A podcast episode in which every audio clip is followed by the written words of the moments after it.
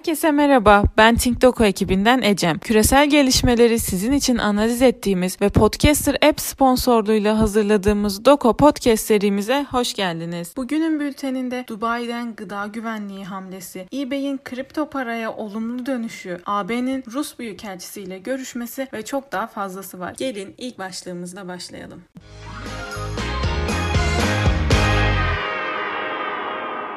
ABD, Birleşmiş Milletler Güvenlik Konseyi'nin İsrail ve Hamas'a ateşkes çağrısında bulunan ortak açıklamasını üçüncü kez engelledi. Konsey, Mayıs dönem başkanı Çin ve geçici üyeler Norveç ile Tunus, konseyin bir kez daha İsrail-Filistin meselesine yönelik ateşkes konusunda adım atması girişiminde bulunmuştu. Konsey, bölgede yükselen tansiyon ve Filistinli ailelerin evlerinden tahliye edilmelerine yönelik endişe duyduğunu belirtmek istiyor. Diplomatik kaynaklardan ABD'nin konseyin bu yönde bir adım atmasına tekrar engel olduğunu belirtiyor. ABD'li yetkililerin konu hakkında verdikleri yanıt ise böyle bir girişimin mevcut tansiyonu dindirmeye yardımcı olamayacağı. Bu anlamda ABD'de Biden yönetimine Demokrat Parti içinden tepkilerin yükselerek sürmesiyle İsrail'in agresif tutumunu koruması ve hak ihlallerine devam etmesi muhtemel ve elbette yükselen politik risk.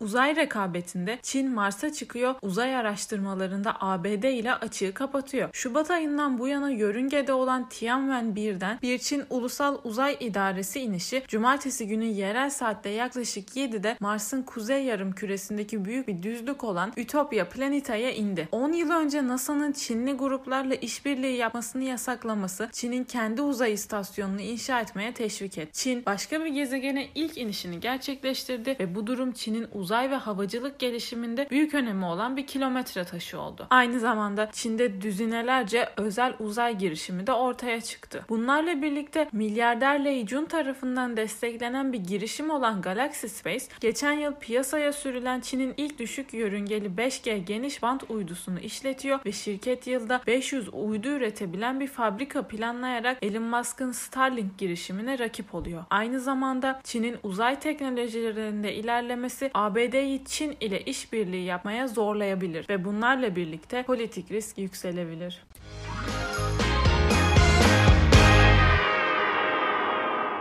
Dünya ekonomisinde emtialarda ciddi bir tükenme yaşanıyor. 2020'de Covid başladığında tüketicilerin meta bulmakta yaşadığı sıkıntılı süreç tersine dönerek şirketlerin aşırı stok yapmasıyla sonuçlanmaya başladı. Kıtlıklar, ulaşım aksaklıkları ve fiyatların artışıyla beraber bu sürecin enflasyona yol açması bekleniyor. Süveyş kanalındaki kaza, tarımı vuran kıtlık ve hackerların Amerika'daki en büyük boru hattını çökertmesi ve Hindistan'ın en büyük limanlarının Covid'den etkilenmesi etmesi de tedarik zincirini sarsan nedenler arasında. Logistic Managers Index gibi çalışmalar da metalarda yaşanan tükenmeye yönelik eğilimin bir sene içinde değişmeyeceğini ortaya koyuyor. Bunlar önemli çünkü akla gelebilecek hemen hemen her türlü üründe kıtlık yaşanıyor. Çünkü artan talep karşısında şirketler çareyi stok yapmakta buluyorlar. Talebe ve talep tahminlerine göre üretim yapan uluslararası büyük üretici firmalar bile şu anda ulaşılabilir olana yöneldiler. Fiyat artışlarını denge dengeleyemeyen firmaların kar marjlarının düşmesi muhtemel ve bu da piyasayı olumsuz etkileyecek. Tedarik zincirinde yaşanan sıkıntılar üreticilerin yeni piyasalara girmesini ve yeni ürünlerini piyasaya sokmasını zorlaştıracaktır. Aynı zamanda yüksek enflasyon riski Joe Biden'ın harcama planlarını riske atacakken genel olarak bir yükselen politik risk kapıda.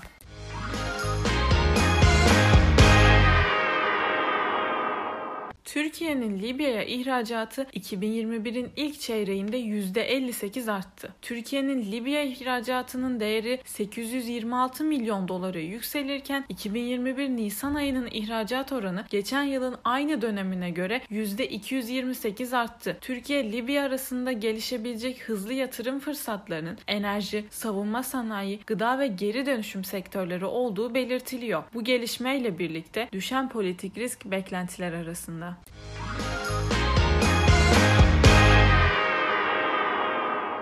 Bugünlük bültenimizin sonuna geldik. Beni dinlediğiniz için teşekkür ederim. Umarım siz de dinlerken benim kadar keyif almışsınızdır. Dünyayı anlamlandırmak için bültenlerimizi takip etmeyi unutmayın. Bir sonraki podcast'imizde görüşmek dileğiyle. Hoşçakalın.